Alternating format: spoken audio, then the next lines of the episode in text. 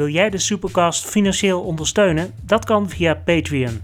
Ga naar patreon.com slash supercastpodcast voor alle verschillende donatielevels. Je kunt al doneren vanaf 2 dollar per maand. En zoals dat gaat bij Patreon staan er dan allemaal interessante beloningen tegenover. Check het zelf op patreon.com slash supercastpodcast. Mijn naam is Mike van Dooyeweert en dit is de Supercast, podcast over superhelden.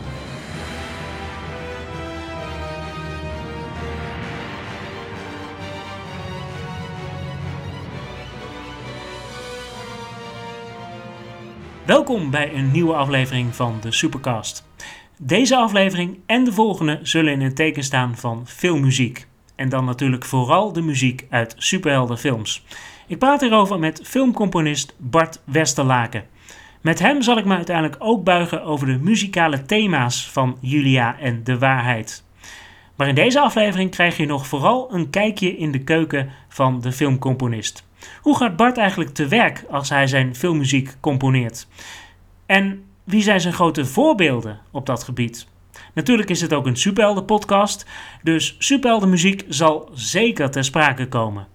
Welke superheldenthema's zijn bijvoorbeeld favoriet bij hem? En waaraan voldoet eigenlijk een goed superheldenthema? Eerst is het goed om even te laten horen waar je hem van zou kunnen kennen. Zometeen komt er nog uitgebreid ter sprake. Maar hij heeft onder andere muziek gemaakt voor de internationale vampierenserie Heirs of the Night, Penosa the Movie en het dagboek van Hendrik Groen. Eerst maar even een stukje van de soundtrack van Penosa.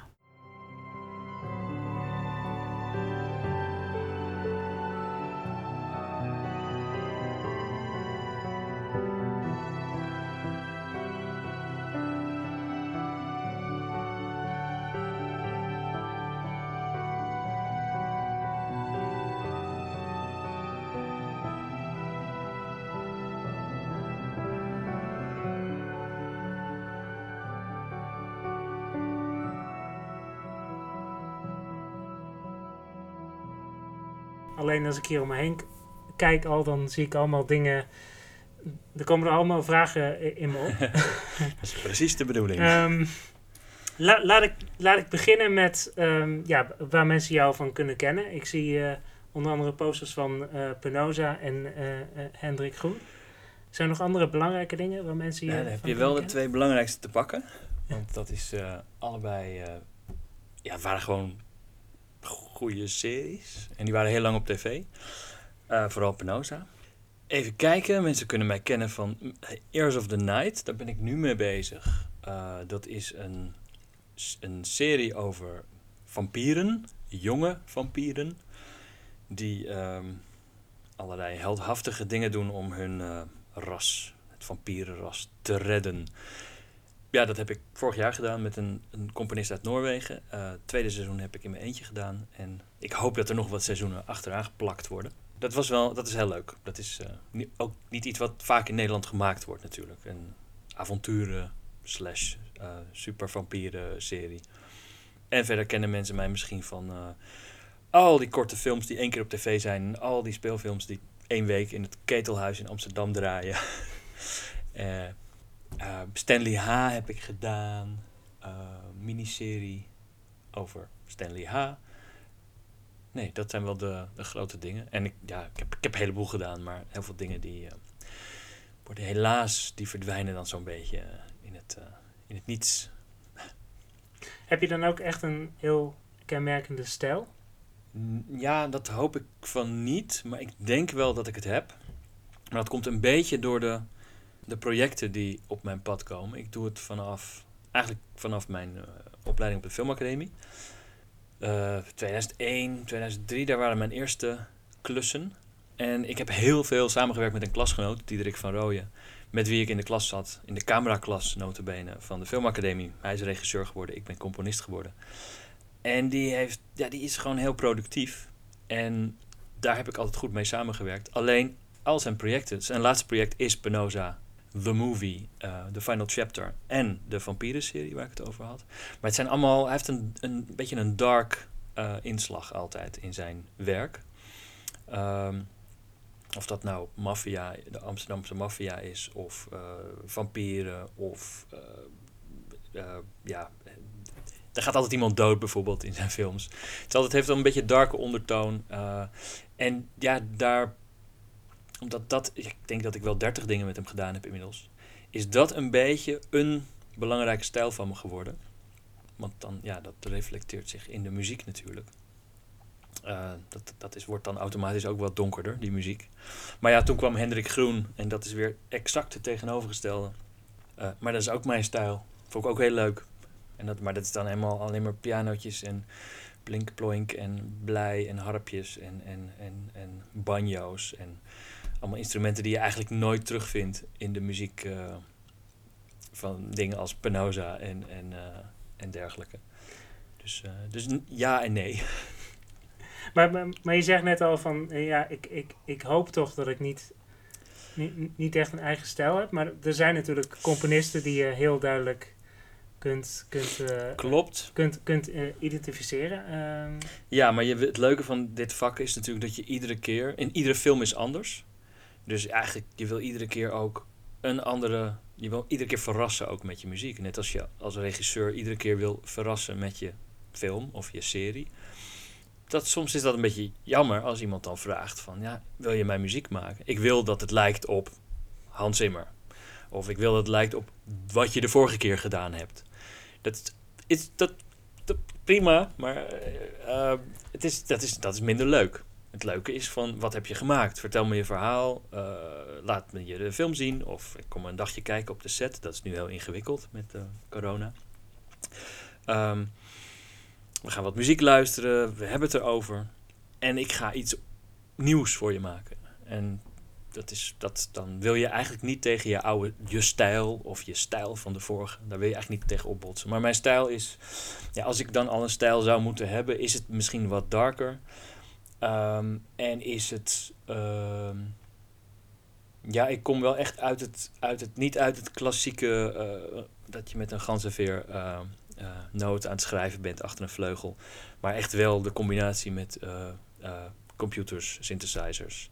Maar ook echte muzikanten. En ik maak daar altijd een soort hybride, ja, monster van. en daar zit van alles in. En dan komt iets uit wat, ja, wat mensen kennelijk willen. Dus dat, dat, is, dat zou dan mijn stijl zijn. Dat, ik, dat, er, dat, er, ja, dat het niet heel klassiek is, maar ook niet heel erg uh, alleen maar een synthesizer of zo. Dat ik mij altijd een mooie potpourri van, uh, van instrumenten maak. Je, je, zei net eigenlijk al, je bent ooit begonnen op de Filmacademie bij, bij, bij de opleiding tot cameraman. Ja. Wanneer is dan het moment gekomen dat je dacht, ik vind componist worden toch eigenlijk interessanter? Ja, um, moet ik even denken hoor.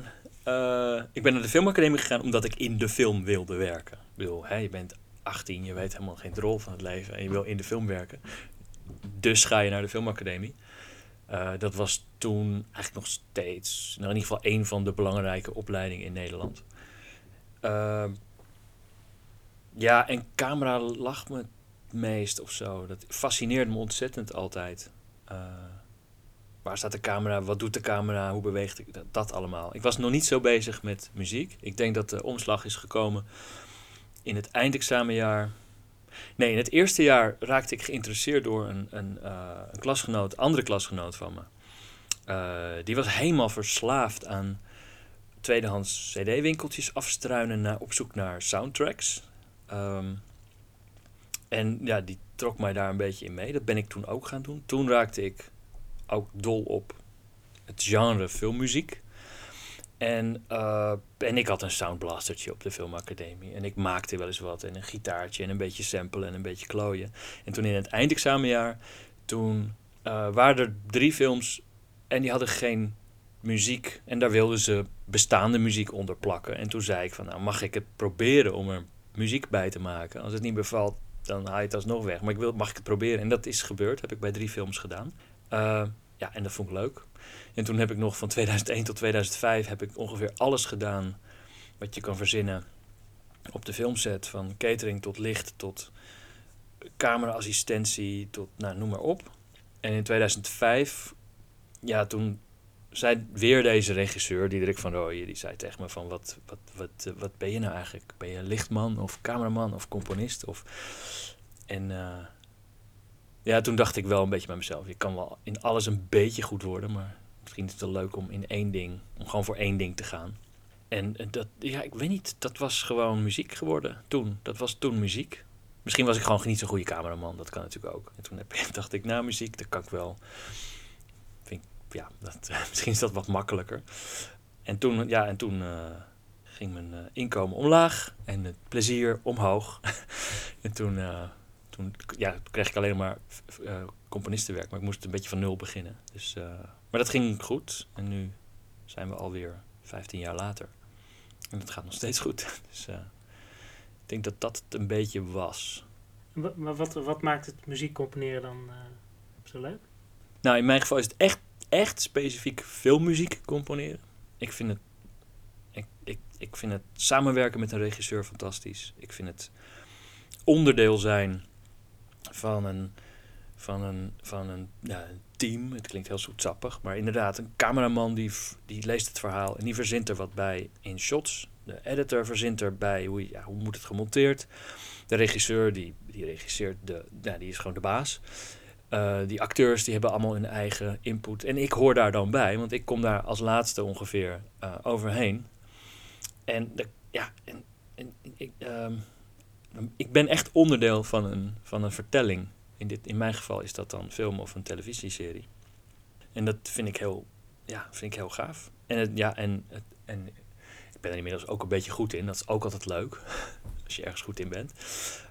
Dat, ja, ik weet niet wat het is. En ik vind muziek gewoon fantastisch. Ik vind het gewoon fantastisch om urenlang met een, met een kapotte gitaar een beetje erop te slaan en een beetje akkoordjes te spelen. En, en dat daar dan iets uitkomt wat bij wijze van spreken zo onder een filmscène kan. Dat fascineert me. En dat is bij filmmuziek is de regel eigenlijk, als het werkt, dan werkt het. Of je nou met een gigantisch symfonieorkest zit, of dat je op een, uh, op een uh, trommel aan het slaan bent. Um, zeker de laatste jaren. Um, ja, als het werkt voor de film, dan is iedereen blij. en dat vind ik ook een gaaf aspect. Ik zie inderdaad ook heel veel, heel veel uh, instrumenten, als ik hier zo om me heen kijk. Ja. En ik vroeg me meteen af, speel je ook echt alles zelf in op die instrumenten? Of? Ja, ik zeg altijd een beetje flauw, ik speel alles een beetje. Ik, ik, ik, er zit altijd, in, ieder, in iedere score zit wel iets wat ik zelf speel. Maar dat kan echt een uh, uh, gitaar zijn die ik heel erg vertraag, zodat het een soort soundscape wordt.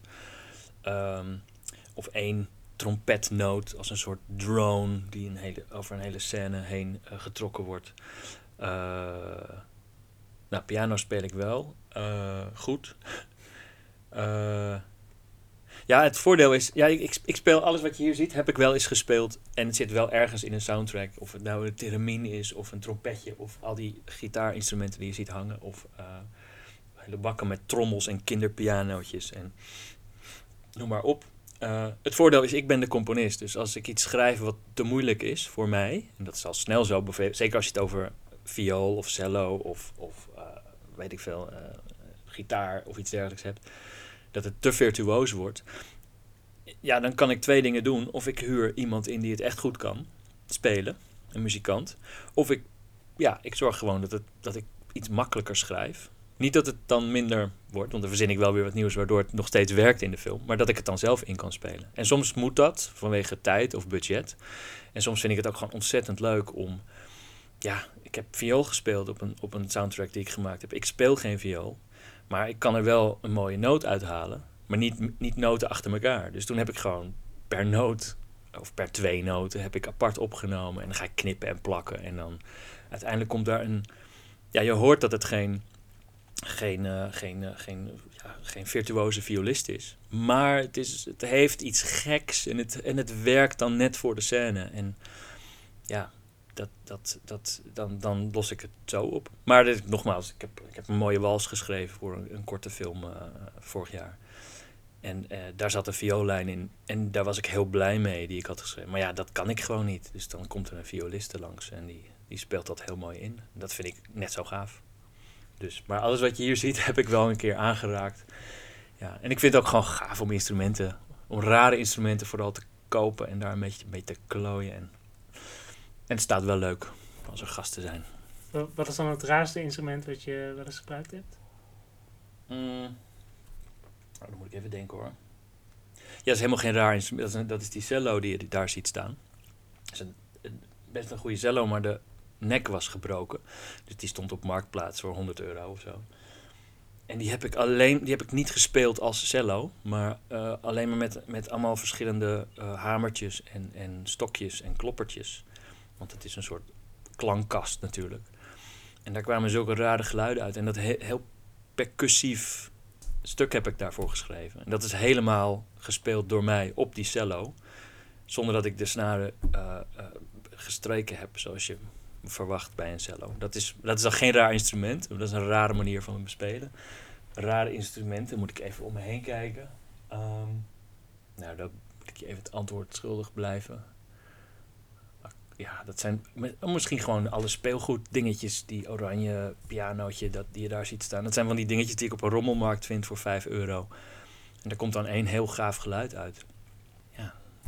Dan is dat, een, dat is dan een raar instrument wat je niet terug verwacht. Want dan combineer ik het wel met eh, gewoon een, een strijkerskwartet.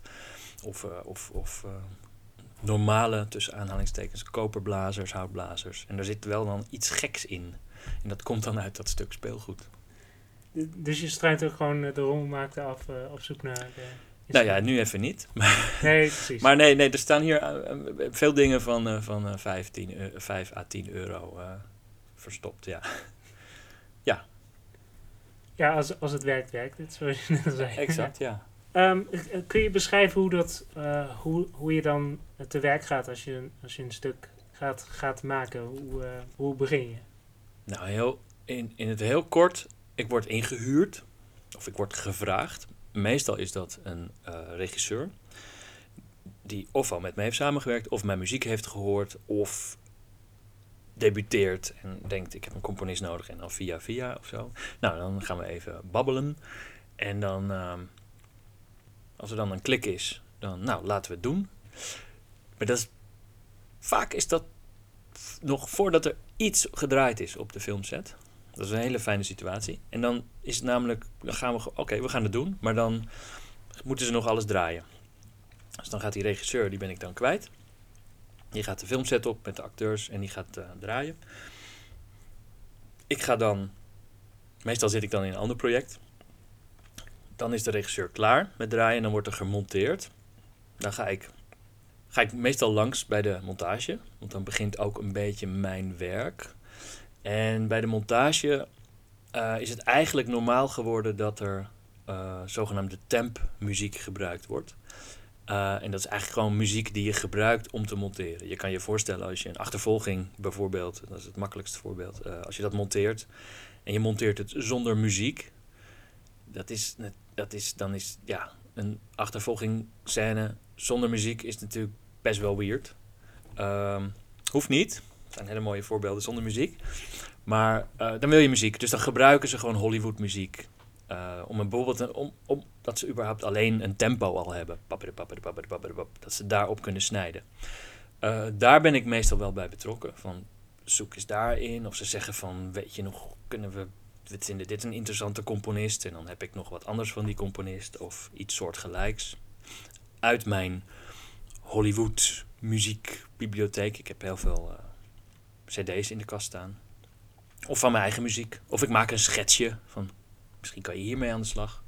En dan monteren ze, monteren ze, monteren ze. Dan is de montage afgelopen en dan begint eigenlijk officieel mijn werk. Want dan is eigenlijk alles af. Zit alles op slot, behalve het geluid. En dan ga ik met de muziek aan de slag. En de sounddesigner gaat met de rest van het geluid aan de slag. En ja, dan inderdaad begint mijn werk. Ik heb een groot scherm hangen ehm, boven mijn werkplek. En daar speelt de film dan af. Meestal luister ik één keer met de muziek die gebruikt is in de montage. Zodat ik een beetje weet, zeker als een, zijn soms, soms regisseurs die heel goed alles van muziek weten. En soms zijn er regisseurs die, die niet zo goed weten hoe ze dingen moeten uitleggen. Omdat dat geen componisten zijn. Dus dan is het lastig als je zegt ik wil violen en je bedoelt eigenlijk cello's. Maar dat zijn allebei even goede regisseurs. Alleen dan luister ik naar die muziek die zij hebben gekozen. En dan weet ik ongeveer waar ze heen willen. En dan ga ik schetsen maken. En dan komt de regisseur langs. Gaan we luisteren. En dan zegt de regisseur: Leuk, leuk, stom, stom, leuk, stom. En dan hebben we het daarover. En dan gaat de regisseur weg. Ga ik weer door. Komt de regisseur weer terug. Laat ik weer luisteren. Soms wil de producent ook meeluisteren. En zo componeer ik heel die film vol of die serie vol. En op, het, op een gegeven moment is het goed. En als het goed gaat, dat, eh, als het goed is, dan gaat dat natuurlijk snel. Als het, als het een moeilijke, moeilijke is, dan gaat het wat langzamer. Maar dat is voor mij meestal gewoon de film aanzetten. Eén keer die tempmuziek luisteren. Dan de temp in de prullenbak. En dan uh, meespelen. Zit ik gewoon de film te kijken of de aflevering. Dan speel ik zo'n beetje iets mee. En daar komt dan meestal een thema uit. Maar dat speel ik dan op piano. En dat ga ik dan bedenken, nee, dat is helemaal niet mooie piano. Dat klinkt veel te, te intellectueel. Dat moet eigenlijk op een uh, accordeon. Pak ik een accordeon erbij. Probeer ik het op accordeon. Neem ik wat op. Ik kijk, misschien moet het groot orkest. Misschien moet het juist heel klein met een paar instrumentjes. En tegenwoordig ja, zit eigenlijk hele orkesten zitten in computers verstopt. Dus die kan ik er allemaal uittoveren. Dat kan ik aan de regisseur laten horen. Dus die kan al bijna horen wat het eindresultaat is als ik een schets gemaakt heb. Ja, en dan besluit ik om te zeggen, nou, die viool, die moet niet uit de computer. Dat moet gewoon iemand worden die dat kan. Want dit is gewoon, geen, dit is, dit is gewoon niet om aan te horen. Uh, maar dan heeft de regisseur wel al een beetje het idee... Oh, dit, die viool, die wordt nog mooier als er een echte violist komt. Maar daar gaan we voor, dat is prima. En de laatste fase is dan gewoon besluiten, dit wordt de muziek. En dan ga ik opnemen. En dat is soms met muzikanten. En soms is dat met mezelf. En soms is, dat, is daar helemaal geen muzikant nodig, omdat ik alles programmeer. In de, er zitten heel veel variaties zijn er. En dan maak ik eigenlijk de eindmix. En die stuur ik naar de uh, sounddesigner, waar ik het eerder over had. En dan komt de mixage. En dan mixen ze de muziek. Daar ben ik meestal bij een dag. Mixen de muziek, wordt gemixt met de dialoog, geluidseffecten. Nou, noem maar op. Alles wat er nog bij moet aan geluid. En dan is het af. Dat, was, dat was niet in het kort, besef ik ineens, maar... Ja, je had, uh, je had het net al even over de, de temp track. Mm en ik heb wel eens, uh, wel eens begrepen dat een, een probleem van uh, onder componisten is dat de regisseur dan bijvoorbeeld verliefd wordt op de temp track. Templiefde, ja. Ja.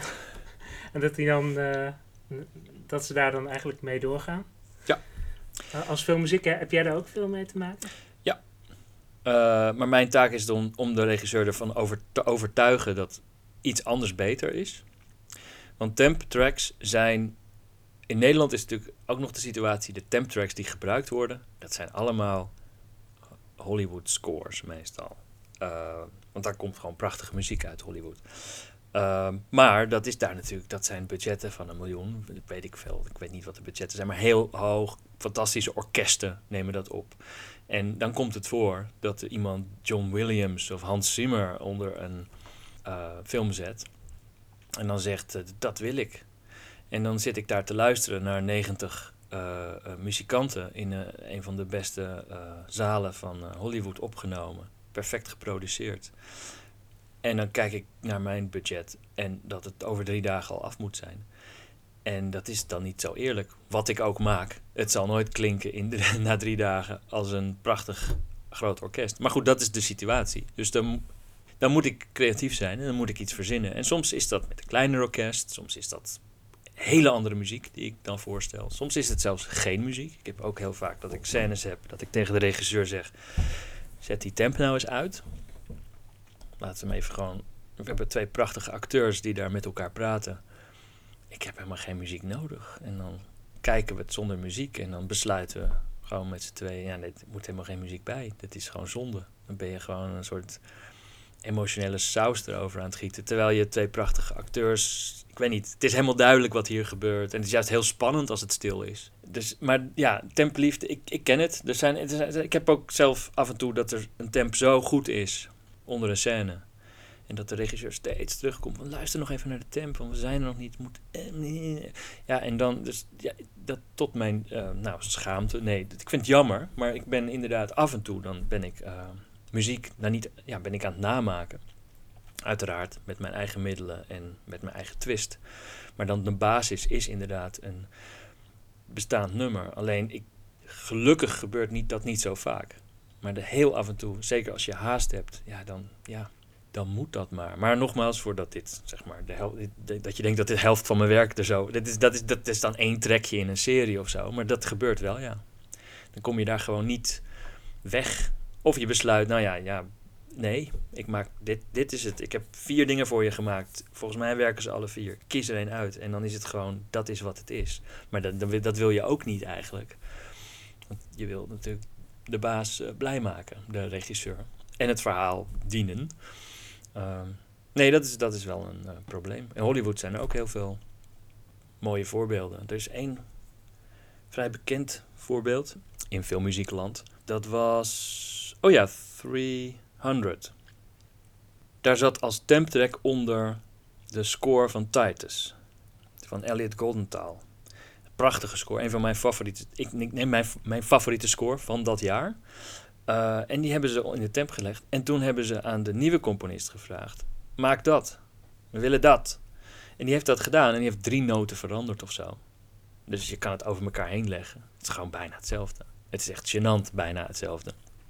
En dat is toen uitgekomen, want het was, ja, je kon er niet, je, iedereen hoorde het. Toen het eenmaal, zeg maar. En tegenwoordig wordt het dan op YouTube ook zo lekker naast elkaar gemonteerd. En ja, dat is toen, uh, dat zijn verontschuldiging aangeboden en zo. Maar dat is een, dat is een temptrack ding. Dat is dan, ja, ik vind het heel jammer. Ik, ik weet niet, je moet iedere, ieder nieuw product, ieder nieuw film, ieder nieuwe serie moet je aangrijpen als laten we iets nieuws gaan doen. En, en dan, ja, dat, ik vind het echt zo zonde dat je dan iets gaat namaken. Alsof, alsof je vraagt een cameraman ook niet van, uh, kijk eens naar die film, we gaan dat exact namaken. Maar doe e-, even één shotje andersom en dan merkt niemand het. Dat is gewoon geen film maken, vind ik. Heb je, heb je als liefhebber uh, nog bepaalde, uh, nog bepaalde voor, uh, voorbeelden? Als filmmuziekliefhebber? Ja. ja. Ja, zeker. Ik ben, ik ben echt... Maar dat is alweer heel lang geleden. Dus dat is, al, dat is 20, 25 jaar geleden. Was ik helemaal into Danny Elfman. Kwam een beetje omdat ik helemaal into Tim Burton was dat is gewoon hele imaginative, originele muziek toen. Nu heb ik dat wat minder. Ik heb niet eigenlijk één componist die ik, die ik fantastisch vind. Er komen er zoveel bij. En er worden er zoveel, worden gewoon saai.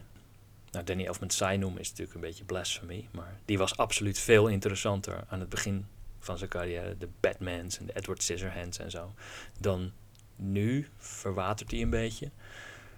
Spider-Man, superheldenfilm, heeft hij nog gedaan. Die was, dat was nog een van de laatste superhelden thema's die ik, uh, die ik mooi vond. Die ik gaaf vond. Ik, ja, nu Johan Johansson, die is helaas is die overleden, maar die heeft prachtige muziek gemaakt. Uh, Sicario en, en um, Arrival. Um, Cliff Martinez, Clint Mansell. Iedereen, er zijn heel veel die maken gewoon echt dit is een beetje het tijdperk van originaliteit, heb ik het idee. En dat vind ik echt heel leuk. Uh, hoe heet het? Uh, Hildur Guadadottir. Guada, nou, Guanadottir. Ja, dat is hem. Uh, dat is een componist die... zij heeft Joker gemaakt. En Chernobyl. En nog meer dingen. Maar dat zijn echt twee hele bijzondere... daar is een beetje mee... Ineens was ze er ineens. super origineel allebei. Dat je echt denkt, oh, oké, welkom. En doe nog meer heel veel dingen, want dit is, die maakt ook iedere keer wat anders. Ik, ik, de, ja, daar ben ik dan nu wel fan van. Maar ja, dat, dat, ik weet niet, dat is, uh, ook van de mode af. En John Williams is natuurlijk legend. Maar ja, het is wel altijd John Williams. Groot orkest, mooie thema's, fantastisch georchestreerd. Het is gewoon geweldig. Alleen, en ook in a way origineel, maar ja, wel dat, altijd dat orkest met alle fluitjes en dingetjes en alles erop en eraan. Maar goed, dat, ja, Dus, dus nee, in, in antwoord op je vraag, nee, niet echt. Iedereen en niemand. Nou, we, we zaten al een beetje bij de superhelden thema's met uh, Danny Elfman. Mhm. Hij heeft natuurlijk uh, Batman uh, gemaakt en, en de Spider-Man films van Sam Raimi. En Dick Tracy, ik weet niet of dat, dat is ook een soort super, weird superhelden ding. En wat had hij nou nog meer? The Shadow heeft hij dat gedaan? Volgens mij ook, hè? Nou ja, goed. Hij heeft inderdaad wel een ervaring. Hij was een van de eerste grote superhelden-componisten, denk ik. Samen met Jerry Goldsmith. Z zijn er nog meer superhelden-thema's die, uh, die favoriet zijn bij jou? Ja, daar moet ik terug. Want ik, nogmaals, ik, er zijn niet meer zoveel superhelden-thema's, memorabele superhelden-thema's tegenwoordig. Ik ben niet zo van de, van de Marvel en de, wat er nu aan de hand is in superheldenland. Dat, het verveelt me een beetje. Ik ben niet de enige. En ik zeg ook niet dat het allemaal super slecht is. Af en toe dan word je verrast. Maar ik weet niet. Als ik aan superheldenfilms denk, dan ga ik echt wel een beetje uh, ouderwets terug naar de eerste Batmans. En de, de, denk tot, een, tot, tot en met een beetje de eerste X-Men's. Dat vond ik nog fantastisch. Michael Kamen was de componist. En uh, de eerste Spider-Man met Tobey Maguire. Vond ik mooi thema, origineel thema. Ja, en de klassiekers. Dan heb je The Batman van Danny Elfman. Dan heb je Superman van John Williams. Dan heb je... Oh, The, The Rocketeer. Dat is ook een soort superheld die iedereen vergeten is. Maar dat is echt een leuke soundtrack. Even kijken of ik hem heel snel kan vinden. Rocketeer. Even kijken hoor.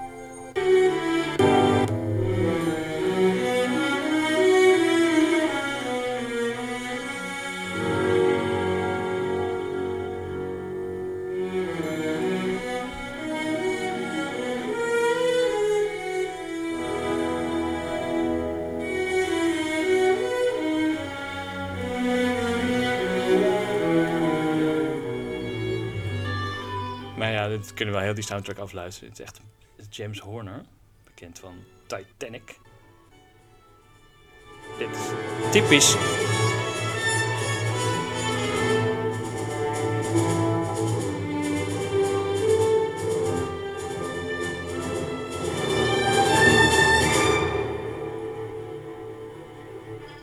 Nou ja, dit is typisch uh, jaren 80, jaren 90 superheldenmuziek dat vind, ik, dat vind ik een heel mooi thema. En uh, even kijken wat ik. Oh ja, Waterworld zitten mooie dingen in. Maar dat is, is, dat, is dat dan weer een superheld? Is gewoon een, ja, nee, uh, ja, wel. Ja, het is een beetje gek dat je als je. Ik, ik, weet niet zo goed wat een superheld is. Een held die met superkracht, toch? Ja, in principe wel. Maar er zijn ook weer uh, comicboekpersonages die geen krachten hebben. En dan heb je een heleboel, heleboel uh, ja. Ja, een heleboel schemergebieden inderdaad. Ja, precies. Het is nu een beetje opgeëist natuurlijk door, de, door de, de Marvel Universe. Dit zijn superhelden. Maar er zijn echt zoveel interessante ja, superhelden voor Marvel. Maar goed, dat ik... Maar nou, Robocop, is dat een superheld? Ik zou, ja, ik zou zeggen van wel. De, hoe heet het? Uh, James Newton Howard. Prachtig. Um, die heeft natuurlijk ook een soort mini-universe uh, gecomponeerd, namelijk um, Unbreakable en, en, en Glass. En uh, dat vind ik, dat is echt prachtige muziek. Maar, en dan vooral Unbreakable, waar dan Bruce Willis de, een superheld blijkt te zijn. Daar zit een mooie score onder. Dat is, uh, dat is ja, die, als ik die nu moet opzoeken, dat, dan, het wordt een rommeltje, want dat is, ik weet niet precies waar ik daar moet zoeken in de soundtrack. Maar uh, dat vind ik prachtige muziek. Ja. Je, je, je zei net al even, ja, de, de, de, de muziek van Marvel van tegenwoordig, van de Cinematic Universe, zeg maar, dat, dat vind je allemaal niet meer zo uh, boeiend. Maar waar, waar, waar ligt dat dan aan? Uh, ik, de originaliteit is een, is een beetje weg. Het is geen slechte muziek. Zeker niet als je het op, op soundtrack luistert, gewoon een cd, dan, dan, dan, dat luister ik wel. En dan zitten er echt wel nummers bij dat je denkt, oh, dit is echt super vet en origineel en fantastisch. En er zit een thema in. Maar dan zit ik zo'n film te kijken en dat is dan een beetje zo door, doorgesmeerd met, met deuntjes. Een achtervolging zit een achtervolging deuntje. En bij het uh, heldermomentje zit dan een, een, een, uh, een Franse hoorn natuurlijk. Een hoorn die dan uh, ta, ta, ta, iets, iets speelt wat je dan wel herkent, maar ook meteen weer vergeten bent. Terwijl, ja, misschien ben ik een oude lul, maar de muziek van Batman kan ik gewoon nu nog voor je reproduceren. Kan ik gewoon nu zingen. En, en de muziek van nou, Annie Marvel. Uh, nee, dat. Uh, nee, dat, ja, ik weet niet. Het is, het is, ik, de originaliteit is een beetje weg. Het lef, zou ik maar zeggen. En dat is ook moeilijk. Want er zijn natuurlijk heel veel verder. Dus er is, maar ik denk nog steeds dat er. En er is heel veel gemaakt. Dus je lijkt tegenwoordig sneller op iets. Um, en dan, zeker als je dan origineel wil zijn, is dat lastig. Maar ik, er is absoluut nog steeds plek voor originaliteit. En, en dat is. Dat is uh, nou ben ik even de naam vergeten. Maar dat heeft, uh, hoe heet het, uh, Tom Holkenborg, die anti-held. Deadpool bedoel je? Deadpool, natuurlijk, Deadpool. Deadpool, dat, dat, daar zat dan weer, daar zat, daar had ik, dat vond ik dan origineel. Is, ben ik ook alweer vergeten wat dat was. Maar daar zaten gewoon, dat was een beetje, ja, een beetje, dat klopte ook bij die film. Een beetje bout en een beetje, een beetje lomp en grappig. En, en allemaal van die synthesizers uit de jaren 80. Is inmiddels ook al niet meer origineel, want dat doet iedereen nu. Maar daar had ik nog zoiets van, oh, wat fris. Fris nieuw geluid of zo. Niet weer... Uh, vond ik leuk. Wat me nu ook net te binnen schiet, ik weet niet of je dat ook als, als een uh, uitzondering ziet. Uh, Black Panther. De ja. soundtrack ervan.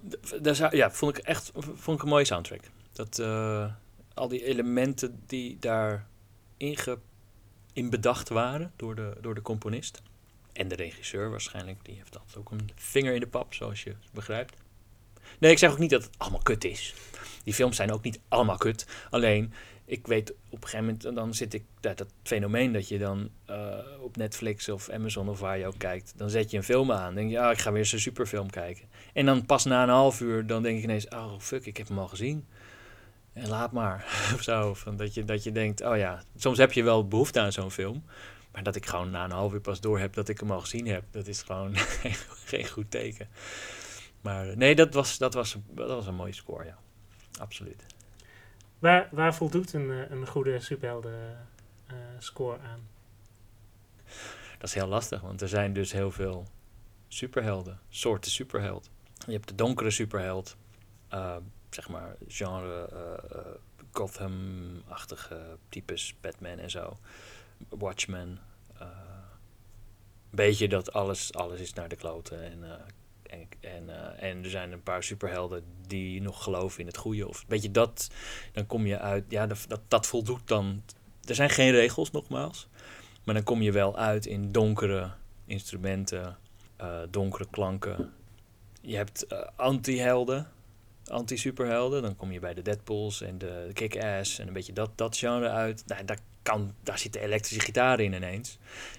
En weer geen regel dat er elektrische gitaar in moeten zitten. Maar dan, ja, dan kom je niet weg met donkere bassen en cello's uit een orkest. Ik denk wel altijd thema's, thema's, thema's, thema's. Dat is wel heel superheldig. Ja, daar ontkom je bijna niet aan. Uh, in superheldenfilms is dat ook een vaak een verteltechniek. Dat als je het superhelden thema hoort, dat de superheld aan het winnen is. En soms is dat heel obvious. Dus tijdens een vechtpartij, allemaal rommel in de muziek. En allemaal bij iedere knal. En, en nou ja. En de, uiteraard, de superheld die, die valt op de grond. Die wordt tegen de muur. Die gaat helemaal mis. Oh nee, de superheld gaat niet winnen. En dan vlak voordat hij gaat winnen hoor je meestal, dat is gewoon een truc, hoor je ineens uh, het heldenthema. En, maar hij, is, hij, hij ligt nog wel op de grond. Maar dan hoor je aan de muziek al, hij gaat opstaan. Dat is een, dat is een, een, ja, dat, dat is een truc die, nou, truc is, klinkt heel erg uh, alsof het uh, cheaten is. Maar dat is een instrument, om het maar even zo te noemen, van filmmakers om, het is heel interessant om dan al te vertellen, dit, dit, ja, dat, dan zit je in de bioscoop en dan hoor je de muziek al en onbewust. Dan denk je, ja, ja, nee, nee, ik weet dat hij, ik weet dat hij gaat winnen. Ik weet dat hij nu gaat opstaan. En dan gaat hij opstaan en dan wint hij het gevecht alsnog. En dat is, daar speelt, als componist kan je daar inderdaad mee spelen. Dat is dan echt, uh, ja, het is altijd heel leuk om te zien. En die thema's zijn er bijvoorbeeld aan, uh, verbonden aan personages, inderdaad? Ja, dus het hoofdthema van een personage. Nou ja, ik, ik neem maar weer even uh, Batman, omdat dat mijn, ja, uit mijn jeugd, mijn eerste aanraking was met superheld. Dus de Tim Burton Batman. Daar zitten, daar zitten scènes in waar het helemaal misgaat met Batman. Uh, en of het nou met de Joker is of, of uh, met, weet ik, of, of Catwoman die naar beneden flikkert. En dan gaan de katten gaan haar, uh, Michelle Pfeiffer, uh, die gaan haar dan zo een beetje schoonlikken. En dan wordt ze dus weer wakker als Catwoman. Die muziek vertelt het verhaal, bijna. En je, hoor, je hoort bijna eerder dat ze haar ogen open gaat doen. Dat ze ontwaakt als Catwoman. Hoor je eigenlijk al aan de muziek voordat ze haar ogen open gedaan heeft. Dat, ja, dat, dat... Maar in het geval absoluut van Batman zelf is het... Uh, dat thema, dat is zijn thema. En ja, daar hoor je aan dat hij de auto op tijd start en wegrijdt. Of daar hoor je aan dat hij op gaat staan om weer iemand een klap te geven. Of ja, dat. Ja. En ook de, de, de bad guys. Ja, dat, dat wil ik inderdaad. Uh, ja, die hebben ook. Ja. En dan is Batman Returns een hele mooi, heel mooi voorbeeld. Daar heeft ieder personage heeft zijn eigen themaatje. De Penguin heeft een prachtig thema en uh, je hoort bijna, pop, pop, pop, pop, pop, hoor je allemaal fagotten. En dan weet je al, oké, hij komt zo de hoek om. En dan ben je eigenlijk al, dan ben je gewoon, dat is film, ben je eigenlijk aan het spelen met, of je dat nou met muziek doet, of met montage, of met dialoog. In dit geval met muziek kan je al vertellen, nee Batman, komt nog iemand de hoek om zo. Want we horen al het instrument van de penguin. Um, ja, en dat is dan. En daar komt hij dan. Of hij komt niet. Als je besluit om juist daarmee te spelen. En ja, ook oh, hoor het instrument van de. Oh, spannend, daar komt hij. En dan komt hij niet. En dat is dan. Misschien is dat leuk voor de scène. Dat je wil fragmenten horen. Wat wil je horen? Batman? Ja, Batman. En dan uh, misschien vooral je favoriete uh, thema. Oh ja, oh ja, even kijken. moet ik even nadenken hoor. Uh, Batman Returns wordt dat dan. Returns. Daar zit namelijk, en dat is de Penguin, had ik het net ook al over. En die gaat op een gegeven moment dood, spoiler alert. En die gaat bijna dood als een held. Gek genoeg. En dat komt door de muziek. Maar dan moet ik heel even een beetje spoelen. Nee, dit is wel dit is de finale van uh, uh, eigenlijk de dood van de Penguin. En dat is, was, ik vond dit fantastisch, zeker toen ik de soundtrack uh, erbij gekocht, gekocht had.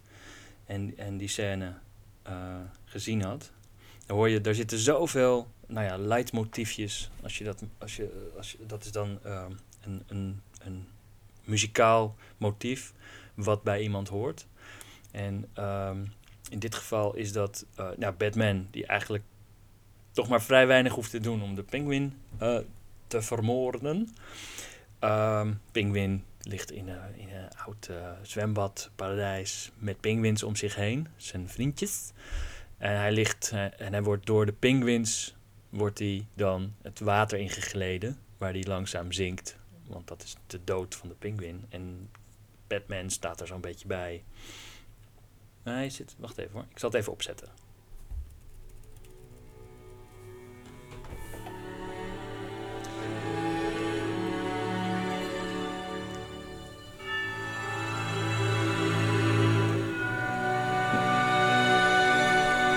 En dit is eigenlijk de dialoog van de Penguin. Zijn sterfdialoog. En dan hoor je al aan de muziek dat het allemaal super melodramatisch is.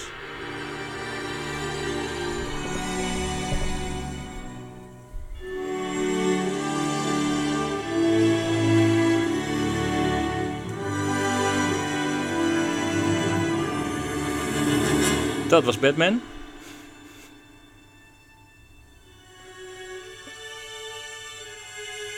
Hier ergens stort hij op zijn knieën en is hij, valt hij dood. Oh nee, hij, zit nog, hij is nog aan het praten. Het is, het is...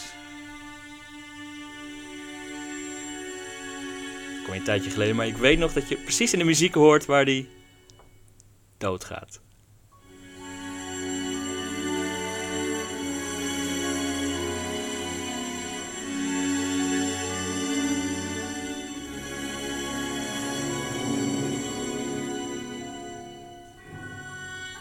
Dat is het thema van de pinguïn.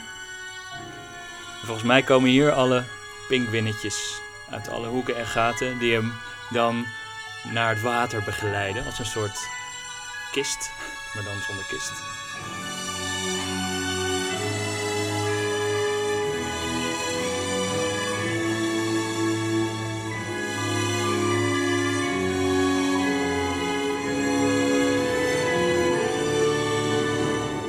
En hier zinkt hij naar de bodem van het water.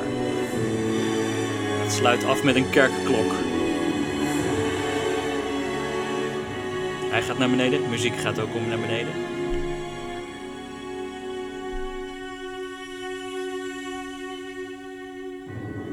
Boing.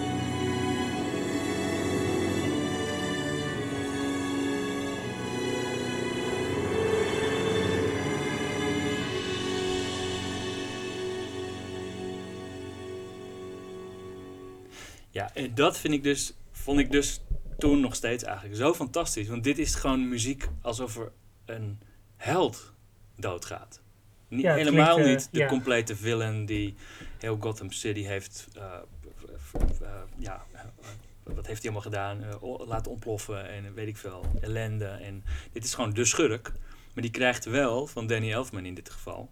En Tim Burton. Krijgt hij deze begrafenis met deze muziek. En dat duurt maar en dat duurt maar. En dan komen die. Het is heel melodramatisch wat daar gebeurt. Maar hij gaat gewoon dood als een held. En dat vind ik gaaf dat je dat met de muziek kan doen. Ik weet niet waarom het zo is. Of het, of het zonder de heldenmuziek ook had gewerkt. Maar dit, is, dit, is, dit, is, dit, dit was een van mijn, is een van mijn lievelingscues in deze film. Dankjewel Bart, tot zover. Je kunt de Supercast vinden op audiogeeks.nl, Spotify, Apple Podcast en jouw favoriete podcast app.